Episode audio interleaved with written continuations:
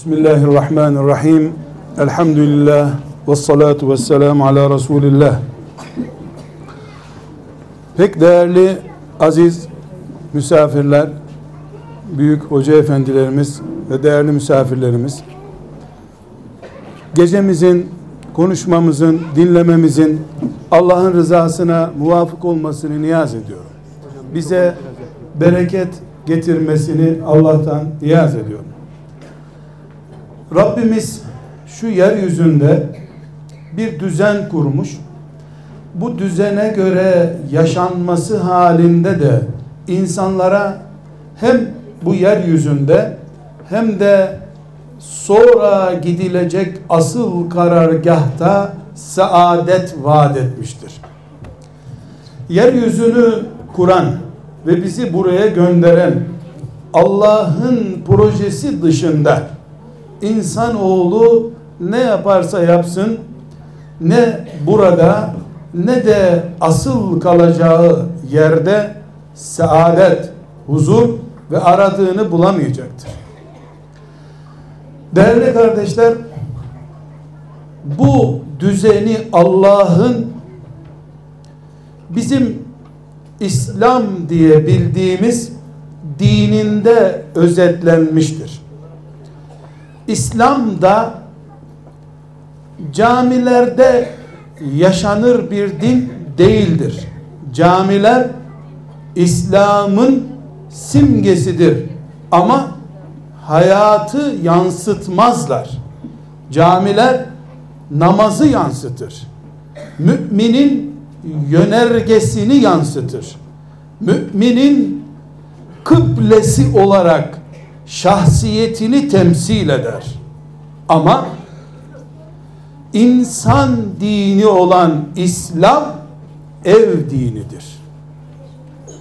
İslam evlerde başladığı zaman camileri de sokakları da binaları da imar eder.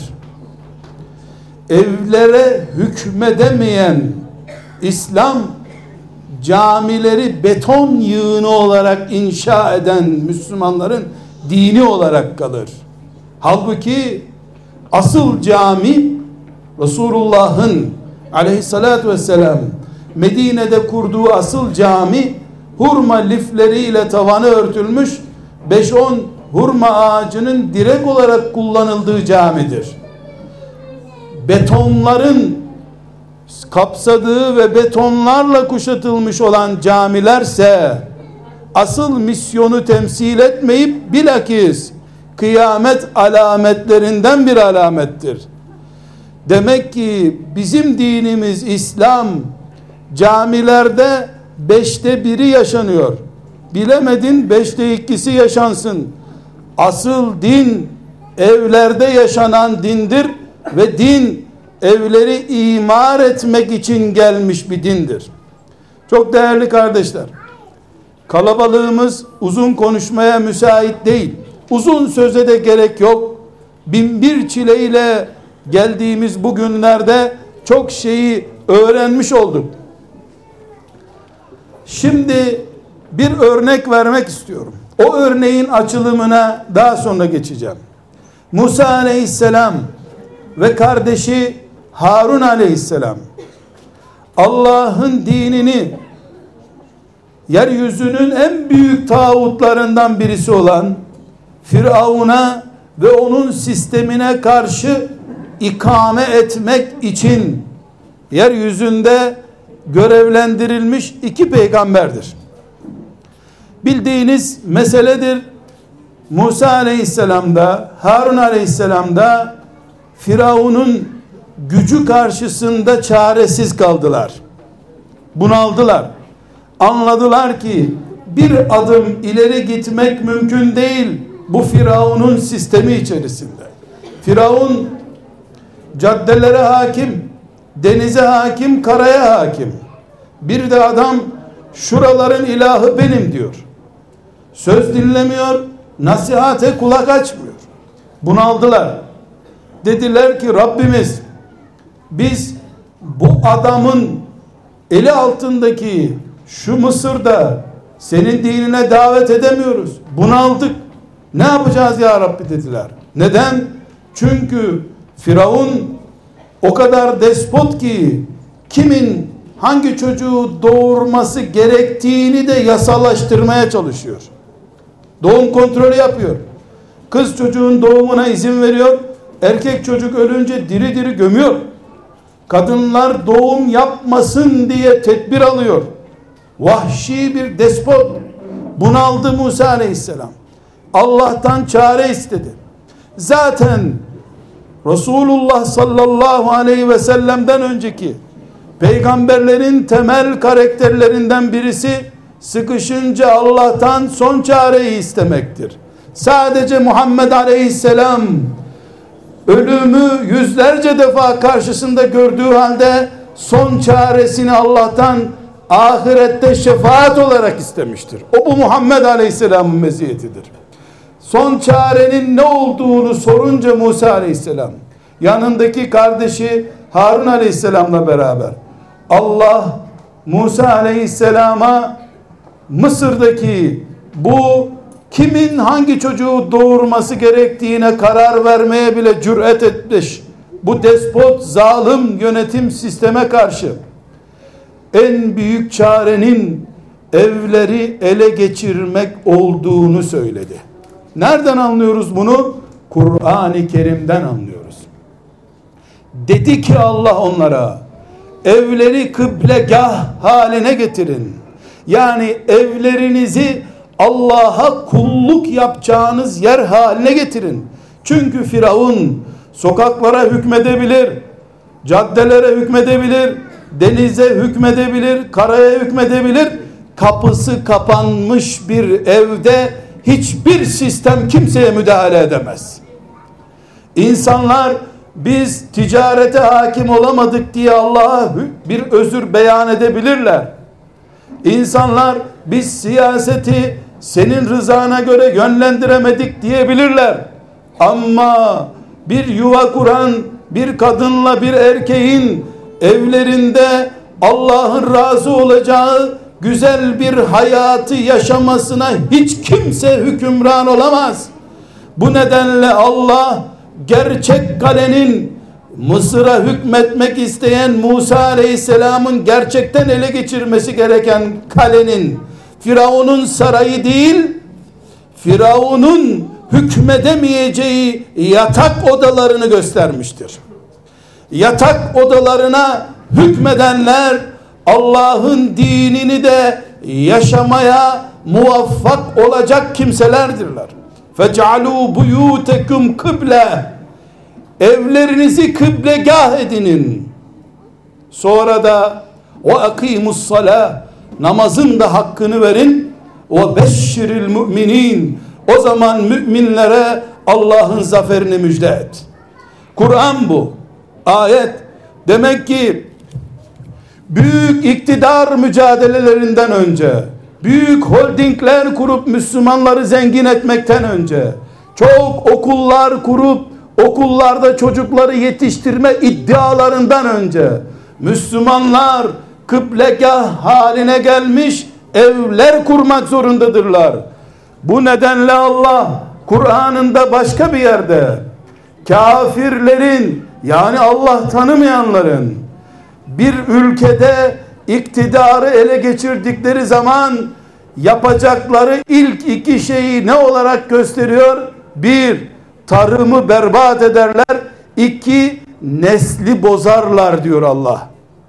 Dikkat ediniz. Ülkelerin işgal edilmesini örnek vermiyor. Kafirler bir ülkeyi işgal ettiklerinde yapacakları ilk iki şey tarımı berbat etmek, tarıma zarar vermek ve nesli berbat etmek. Demek ki Allah düşmandan beklenecek en büyük iki tehlikeyi bize gösterirken insanların mideleri midelere Allah'ın helal ettiğinin dışında rızkın girmesi ve insanların iffetinin bozulma tehlikesidir. Bu nedenle kardeşler biz ümmet olarak namus ve iffet ümmetiyiz. Namus ve iffet yani ahlak okulların işi değil, devlet işi değil, ana işidir. Anne anası olmayan milletin devleti İslam devleti olsa ne olur? Başında Ömer bin Hattab gibi bir yönetici olsa ne olur? Bu ümmet yükü kadınlara yüklemiş bir ümmettir. Bunun için Allah kadınlar kadınlar bu ümmeti sırtlanan ve bu ümmete peygamberin arzu ettiği nesli yetiştiren okul, medrese, cami, ana olduğu için üç babayı bir anneye denk tutan dine mensubuz biz. Kim ya Resulallah sorusuna kim önce? Önce kim sorusuna ana, sonra kim? Ana, sonra kim? Ana, sonra kim? Baba diye cevap vermiş. Üç baba toplanıp bir ana neden yapıyor? Çünkü üç siyasetçi, üç öğretmen, üç cami imamı bir ana etmez ondan. Bu nedenle bu nedenle ümmeti Muhammed'in topraklarında söz sahibi olan bu ümmetten olmayanlar nerede sözü ele geçirseler nerede kanun yapmaya elleri güçleri yetse ilk yaptıkları iş kadınların kıyafetleriyle uğraşmaktır. Çünkü onlar sokaklarında Kahire'nin açık bir kadın dolaştırdıkları zaman Kahire'de Ezher'i ve diğer ashabtan kalmış İslam izlerini çok rahat sileceklerdir demektir. Napolyon Kahire'ye ordularıyla girdi. Girdiği gibi çıkmak zorunda kaldı. Ama bir Fransız gazetesi Kahire'yi 20 senede Paris'e çevirdi. Napolyon 30 sene kaldı bir şey yapamadı. Bir gazete Kadınlar Derneği kuruldu. O derneğin yayın organı oldu ve Mısır'ı yerin dibine batırdı. Bunun için bu ümmet kadınların ayakları altına cennet sermiş bir ümmettir. Bunun için bu ümmetin peygamberi Rabbine kavuşurken son vasiyetini namaz ve kadın olarak bırakıp gitmiştir.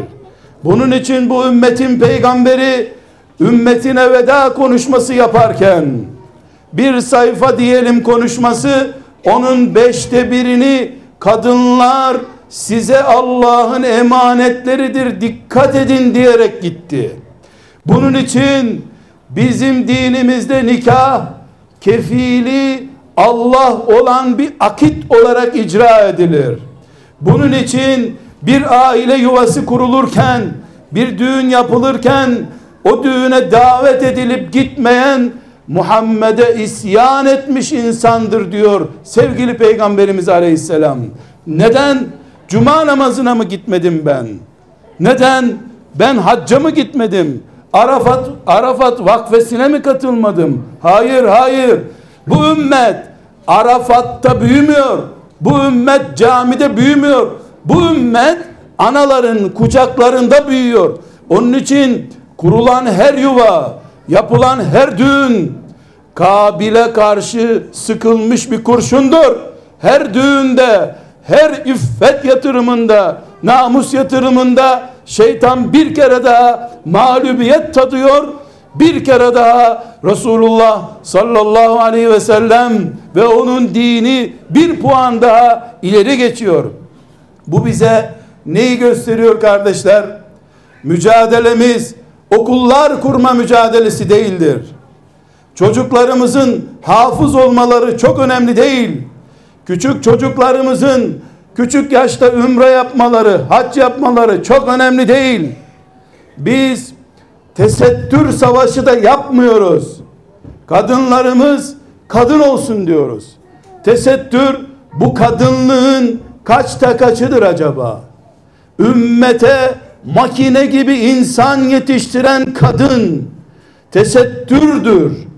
Ümmetimi insansız bıraktıktan sonra bir iki çocukla emekliye ayrıldıktan sonra evliliği mobilya hastalığı, evliliği perde değiştirme hastalığı, komşulara force, gösteriş, ziyafetler, iftar sofraları olarak geçiştirdikten sonra tesettür olsa ne olacak? Rahibeler de tesettürlü. Fakir fukara da kuaför göremeyenler de tesettürlü dolaşıyorlar. Bu ümmet, bu ümmet Resulullah'ın istediği gibi olduğu zaman değerli bir ümmettir. Benim peygamberim kadınlara aman ha dokunmayın dediği zaman zavallılar dövmeyin demek için bunu demedi herhalde. Çünkü onlar Allah'ın makineleri. Onlar mümin nesil yetiştirecekler. Siz üzerseniz, hırpalarsanız makineyi bozarsınız. Bozulmuş makineyle nesil yetişmez. Bunun için dokunmayın kadınlara dedi. Bunun için hangi kadın cennete girecek diye sorduğu soru soruya bizzat kendisi cevap verirken doğuran doğuran kadın demiştir. Doğuran ve evde eşiyle sorunları kendiliğinden halleden kendi kendini düzeltme programı olan kadından söz ediyor sevgili peygamberimiz aleyhissalatü vesselam kardeşler şimdi biz bu çağın getirdiği fitnelerin eskisiyle evlilikleri hayat ortaklığı olarak algılıyoruz. İşte biri para kazanacak öbürü mutfağı geçindirecek. Böyle bir evlilik bize peygamberimizden öğütlenmiş bir evlilik değildir. Biz insan neslinin devam etmesi için gereken iffetin, ahlakın, yeryüzünde Allah diyenlerin çoğalması için gereken en büyük güç olan aile gücünü şeytanın asla hoşlanmadığı ve alternatiflerini çok renkli ve çok ucuz olarak insanlığın kucağına getirdiği aile müessesesinin kıyamete kadar Kabe gibi, cami gibi korunması gerektiğine iman ediyoruz. İman. Bunun için yeryüzünde Allah'ın arşının titrediği en riskli kararlardan birisi Allah'ın izin verdiği halde bir erkeğin boşama hakkını kullanmasıdır.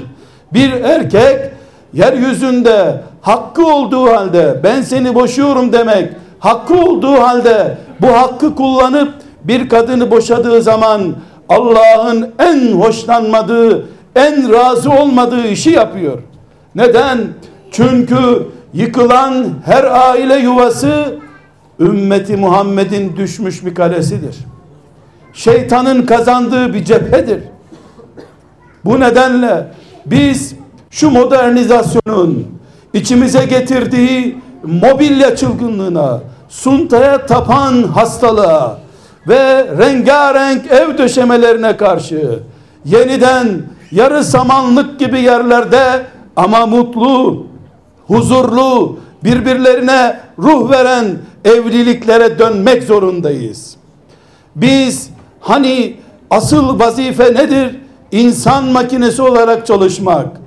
Okula muhtaç olmadan ve öğretmeni kendinden olan yuvalar kurup yaşamaya mecburuz. Başka türlü Musa kadar güçlü olsak, Musa kadar güçlü olsak, Harun gibi Cebrail'in gelip gittiği büyük insanlar olsak, değil tarikat şeyhi, değil vakıf başkanı, değil büyük kurumların başkanı, bir peygamber olsan, ulul azım beş peygamberden biri olsan bunaldım ya Rabbi. Ben bu insanları nasıl kurtaracağım? İktidar oldum bakan oldum şirketler kurdum Müslümanların çocuklarına büyük kolejler kurdum ne yapacağım ben şimdi diyecek olsak Musa olup da bu noktaya gelecek olsak Allah'ın cevabı bellidir. Fec'alû buyuteküm kıble. Bırak siyaseti, bırak ekonomiyi, Önce ev, ev.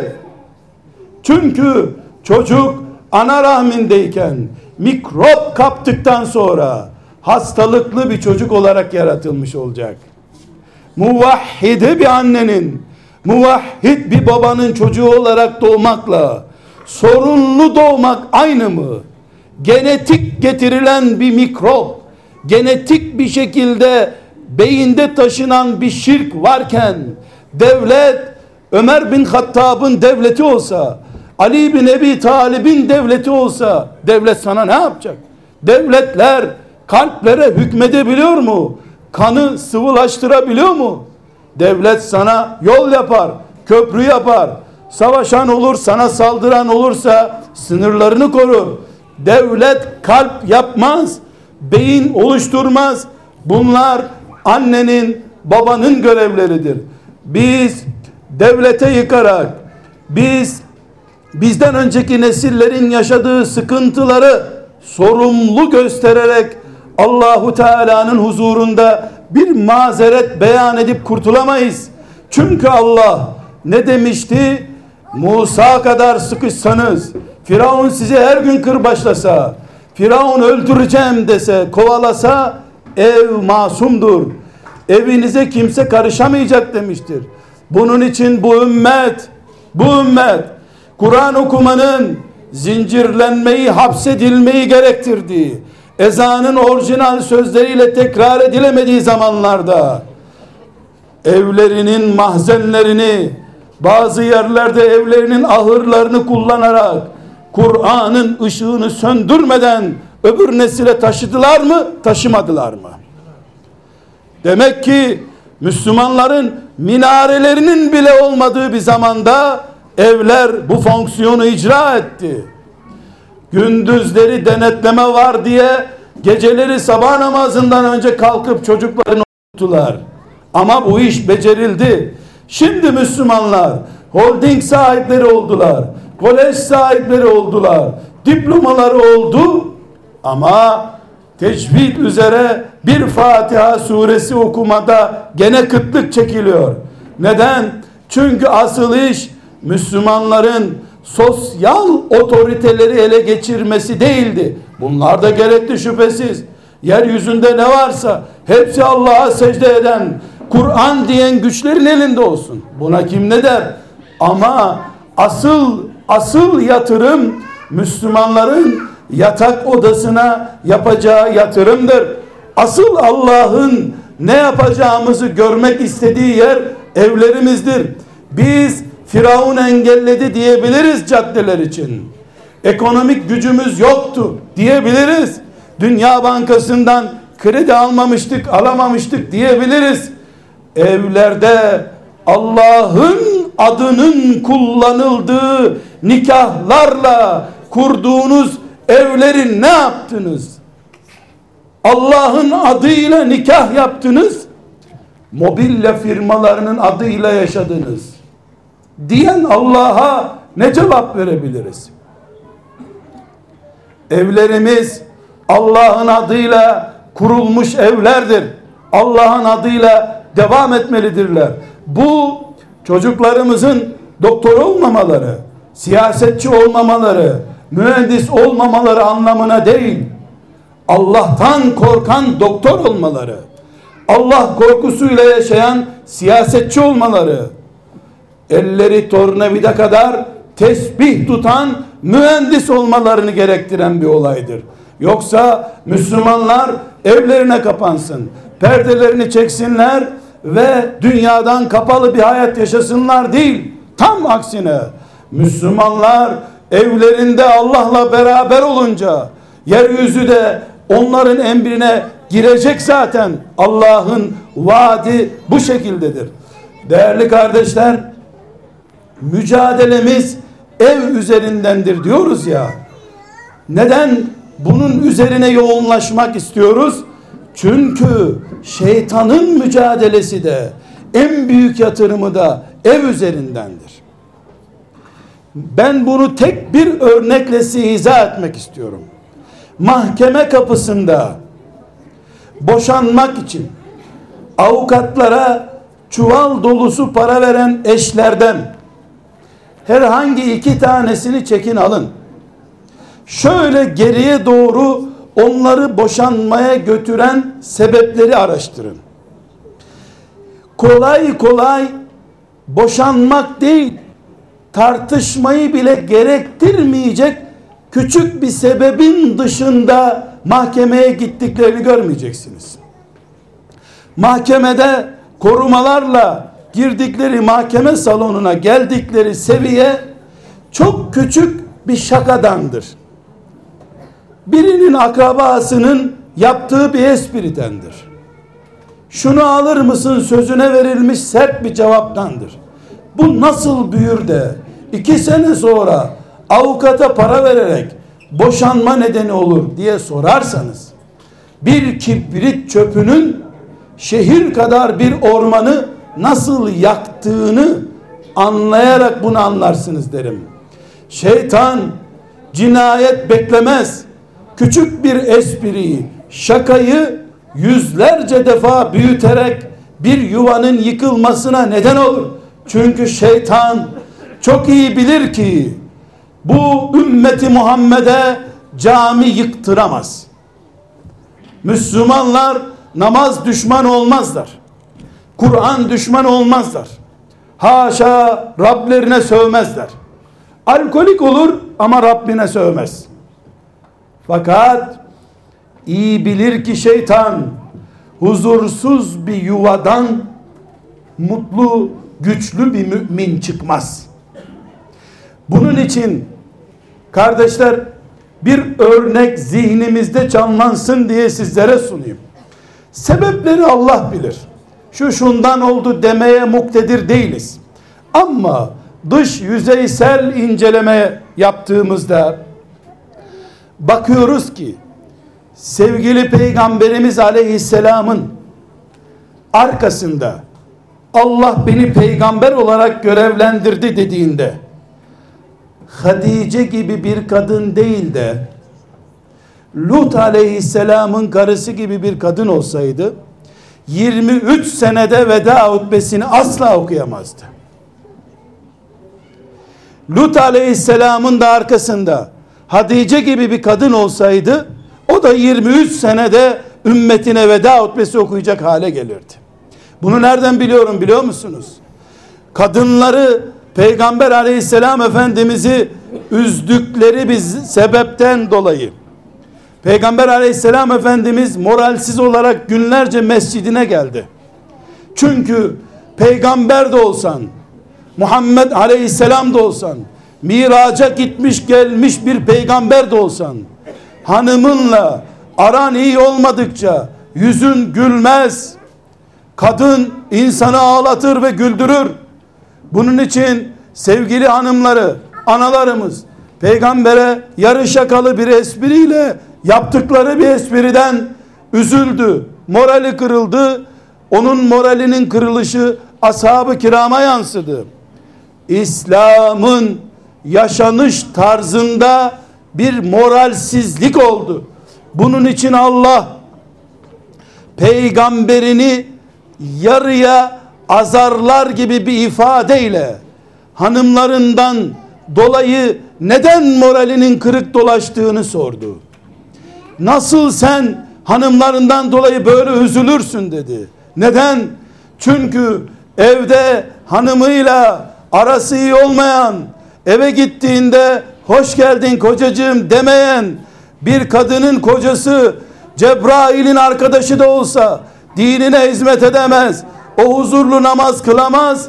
Bunu Allah bildiği için peygamberinin hanımlarından dolayı moralinin kırık olmasını uygun görmedi. Kur'an-ı Kerim'de Tahrim suresi diye sure indi. Sonra bu surede Allah Firavun'un karısı Asiye'yi kadınlara kıyamete kadar unutamayacakları muhteşem Müslüman kadın örneği olarak sundu. Kocası Firavun olduğu halde, yeryüzünün en büyük tağutu olduğu halde Allah dört tane insanı bütün insanlığın arasından seçip binlerce insanı sevdiği halde dört insan bütün Müslümanların örneğidir diyor. Bunun biri Muhammed Aleyhisselam'dır. Örnektir sizin için diyor. Öbürü dedesi İbrahim Aleyhisselam'dır diyor. Yüz küsür bin peygamberi de geçip Asiye ve Meryem mümin insanların örneğidir diyor Allah. Neden? Çünkü moralsiz, zalim bir kocanın hanımı olarak Asiye kendisi moral deposuydu. Yahudilerin milyon kere eziyetine hiçbir şekilde morali kırılmadan refleks gösteren Meryem müthiş bir kadındı. Allah bu iki kadını on binlerce peygamberin de önüne çıkararak Müslümanlara niye örnek gösteriyor? Ve bunu nerede örnek gösteriyor? Peygamberin üzüldüğünün yanlış olduğunu, aile sıkıntısının, ailedeki huzursuzluğun Mescid-i Nebi'ye yansımasının doğru olmadığını söyleyen Tahrim suresinde Allah anlatıyor. Biz bundan ne anlıyoruz biliyor musunuz kardeşler? Hoca, hacı, öğretmen bırak bunları bırak. Peygamber bile olsan Aişen seni üzerse senden fayda yok kimseye. Bir kere daha anladık ki mutluluk isteyen, mücahit ruhu isteyen, bir hizmette başarı isteyen, teheccüde kalkmak isteyen, huzurlu, mutluluk veren bir hanım sahibi olacaktır. Bu nedenle kadın sadece bebek büyütmez. Her erkek beraber yattığı kadınının bebeğidir. Bunun için kadına üç erkek kadar değer veriyor Allah. Neden? Çünkü hem bebek bakıyor hem de yatakta bebekleşen kocasını bakıyor. Kadın çok büyük bir mucize. Allah onu sabır deposu olarak yaratmış. Bu nedenle de kıymeti bilinsin diye fitnelerin en büyüğü olarak yaratmış. Fitne dedin mi kadın ne diyor? Aleyhisselam benden sonra kadın gibi bir fitne bırakmadım size diyor. Ne demek fitne? Bela demek değil. Fitne demek atsan atamazsın, tutsan tutamazsın demek. Mücevher civa gibi bir şey. Onsuz olmuyor, onunla da imtihan zor oluyor. O da kazanıyor, erkeği de kazanıyor. İşte bunun için kardeşler, bir baba üç kız çocuğunu nikahladığı zaman cennet ipoteği alıyor Allah'tan. Ne diyor peygamberimiz? Üç kız çocuğunu iffetiyle yetiştirip bir erkekle nikahlandıran yani üç tane iffetli kadının kocası olan damadı olan cennete girecektir buyuruyor. Bu bedava mı bu cennet? Bedava değil. Uhud eteklerinde de cenneti görüyorum demişti hatırlıyorsanız. Uhud şehitlerine de cennet vaat etmişti. Demek ki peygamberin zamanında bile peygamberin Medine'sinde aleyhissalatü vesselam Bilal'in ezan okunduğu, okuduğu Medine'de bile Ebu Bekir'in Ömer'in yönettiği zamanda bile üç kız çocuğu yetiştirmek Uhud'da cihad etmeye benzer bir zorluk barındırıyor. Biz zannediyoruz ki şimdi başörtüsüyle okullara almadıkları için çocukları zor yetiştiriyoruz. Bu Adem Aleyhisselam'dan beri böyledir. Adem Aleyhisselam'ın da iki kız, iki erkek oğlu vardı. Bir aşk hikayesinden ilk cinayet çıktı ortaya. Adem Aleyhisselam'dan beri kadın zor, cennet, imtihan her şey demektir. Biz bütün gözümüzü, emeğimizi çocuklarımızın üzerine ama kendimizi de çocuk kabul edeceğimiz bir mantıkla bütün emeklerimizi ailemizin üzerine yoğunlaştırdığımız zaman Allah çekirdeği koruduğumuzu görürse dalı budağı kendisi koruyacak zaten. Ama biz ağacın dibinde kurtlanma var dallarıyla uğraşıyoruz. Okul ağacın dalıdır. Cami ağacın dalıdır. Ev ağacın köküdür. Ev ağacın köküdür. Allah'ın adına peygamberinin sünnetinin delaletine şehadet verdirerek kurduğumuz yuvalarımız mobilyaya kurban gitmemelidir. Medyaya kurban gitmemelidir. Biz Allah için yaşıyorsak bu evlerimizde belli olacak. Camilerde imamın yaptırdığı uyduruk tecdidi nikahlar, cuma akşamı tecdidi nikahlarla evlerimiz huzur bulmaz. Evlerimiz Allah'a teslim olacak, kıblegah haline gelecek. Evlerimiz meleklerin girip çıktığı haşır neşir olduğu yuvalar haline gelecek. O zaman bize ne Siyonizm ne Siyonizmi ortaya çıkaranlar Allah'ın izniyle hiç kimsenin zararı dokunmayacak. Çünkü çünkü benim sevgili peygamberim ümmetinin geleceğindeki sıkıntılardan ve fitnelerden söz ettiği bir zaman sahabeden biri ne tavsiye buyuruyorsun ya Resulallah ne yapayım böyle bir şey görürsem diye sorduğunda buyurmuş ki hemen geçmiş günahlarına tövbe et. Ecel gelir seni günahlarla yakalar. Evinin kıymetini bil, dilini tut. Dilini tut, kötü zamanda fitneye sebep olma. Evinin kıymetini bil. Dikkat edin. Çok fitne var, huzursuzluk var. Müslümanlar anlaşamıyorlar. Ne yapayım ya Resulallah dediğinde koş Mekke'ye, koş Medine'ye, hemen umre yap. Demiyor. Ev, ev, evinin kıymetini bil diyor. Demek ki fitne zamanında Mekke'ye kaçmak yok. Ne yapmak var? Evin kapısını kapatıp içinde iffetle, takva ile yaşamak var. Dilini tut, yani ümmetin içindeki sorunların büyümesine sebep olma. Geçmiş günahlarından tövbe et. Aksi takdirde Allah sana rahmet indirmez.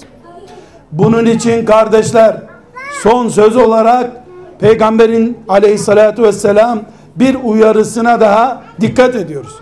Bakın ne buyuruyor? Allah bir erkeğe saliha bir kadın nasip ettiyse saliha kadın ne demek? Saliha kadın çarşaflı, hafız, imam hatip mezunu devam, hoca çocuğu devam, hoca hanımı değil değil böyle değil. Çünkü kendisi saliha kadını tarif ediyor. Buyuruyor ki saliha kadın kocasının iffetini koruyan yani kocasının sokakta sorunsuz bir erkek olarak gezmesini sağlayan bu saliha kadınmış. Kocasını gördüğünde onu mutlu eden onu görmek erkeğe yetiyor. Hiç oturup konuşmaya gerek yok. 15 sene sonra ilk gecenin heyecanıyla onu özlüyor. Onu bırakıp umreye gitmek istemiyor.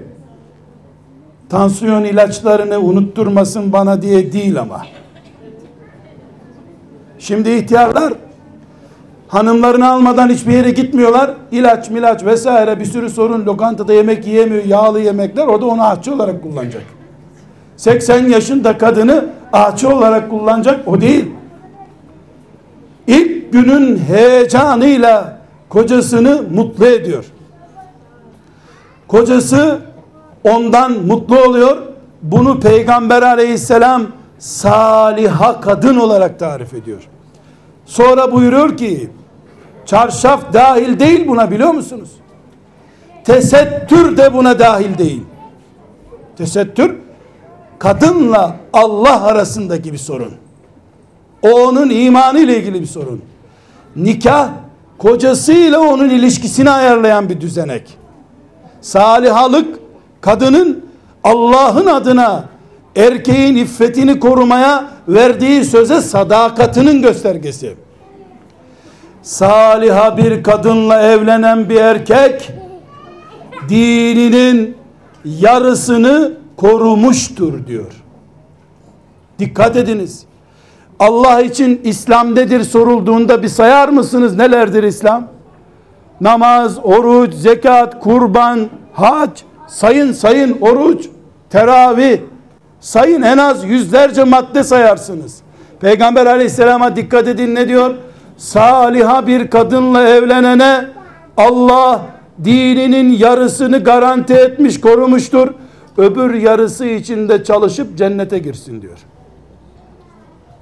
Var mı bir itiraz? Namaz, oruç, hac topluyorsun hepsini. Cihat, infak, zekat Hepsini topluyorsun. Yüzde elli yapıyor. Saliha bir kadın Allah'ın gözünde yüzde elli yapıyor.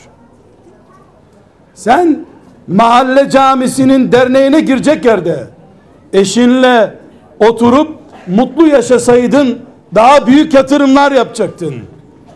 Sen namaz kılan saliha bir çocuk, kız çocuğunun babası olman. Göz değmemiş, el değmemiş demiyorum. Göz değmemiş kızı evlendirdiğin gün üçte bir cennet garantisi alacaksın. Bir kızın daha teslim edildiği zaman iffetiyle üçte iki, üç kız teslim ettiğin zaman eniştelerine üçte üç cennet teminatı alacaksın. Biz her ne kadar medeniyeti, yapılanmayı, İslam'ı yaşamayı, binalar yapmak, camiler yapmak, Kur'an kursları yapmak, imam hatipleri ihya etmek olarak düşünüyor. Emekli olur olmaz da hemen bir cami derneğine üye oluyorsak da Allah böyle görmüyor. Çünkü yeryüzü insan içindir. Bu din insan medeniyetini kurmak ve büyütmek için gelmiştir. İnsan camide doğmuyor. Camide sadece ibadet yapıyor. Haramla büyütülmüş. Daha 6 yaşındayken gelinlik hesapları yapmış bir kızı hangi medrese, hangi imam hatip Ayşe yapacak, Fatıma yapacak. 15 yaşında arkadaşlarıyla mesajlasan bir kız hafız olsa ne olur? Arapça bilse ne olur? Bizde analık cami imamlığından öncedir.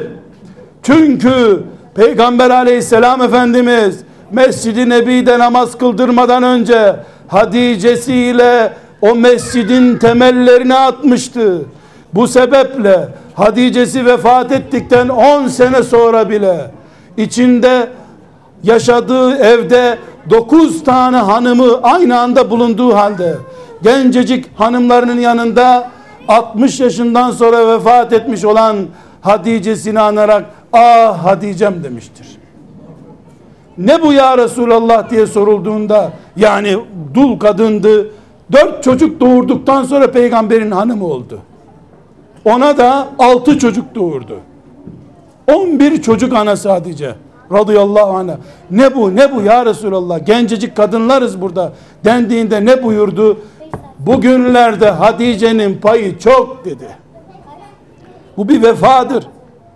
Kardeşler bir örnek hepimizin dikkatini çekmelidir.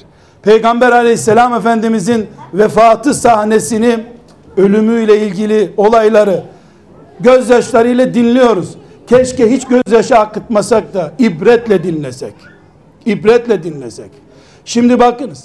Peygamber aleyhisselam efendimiz vefat edeceğini anladı. İbni Mesud radıyallahu anh geldi. Çok mu ağrın var ya Resulallah dedi. İki insan kadar ağrı çekiyorum buyurdu. Ama bitecek ağrılarım bitecek buyurdu. Yani vefat ediyorum dedi. Sonra son dakikaları olduğunu anlayınca baktı ki son dakikaları. Kardeş ne yaptı? Cami imamını çağırın Yasin okusun mu dedi. Çabuk Mülk suresini okusun mu dedi. Ne yaptı? Erkekler dışarı, dışarı çıksın dedi.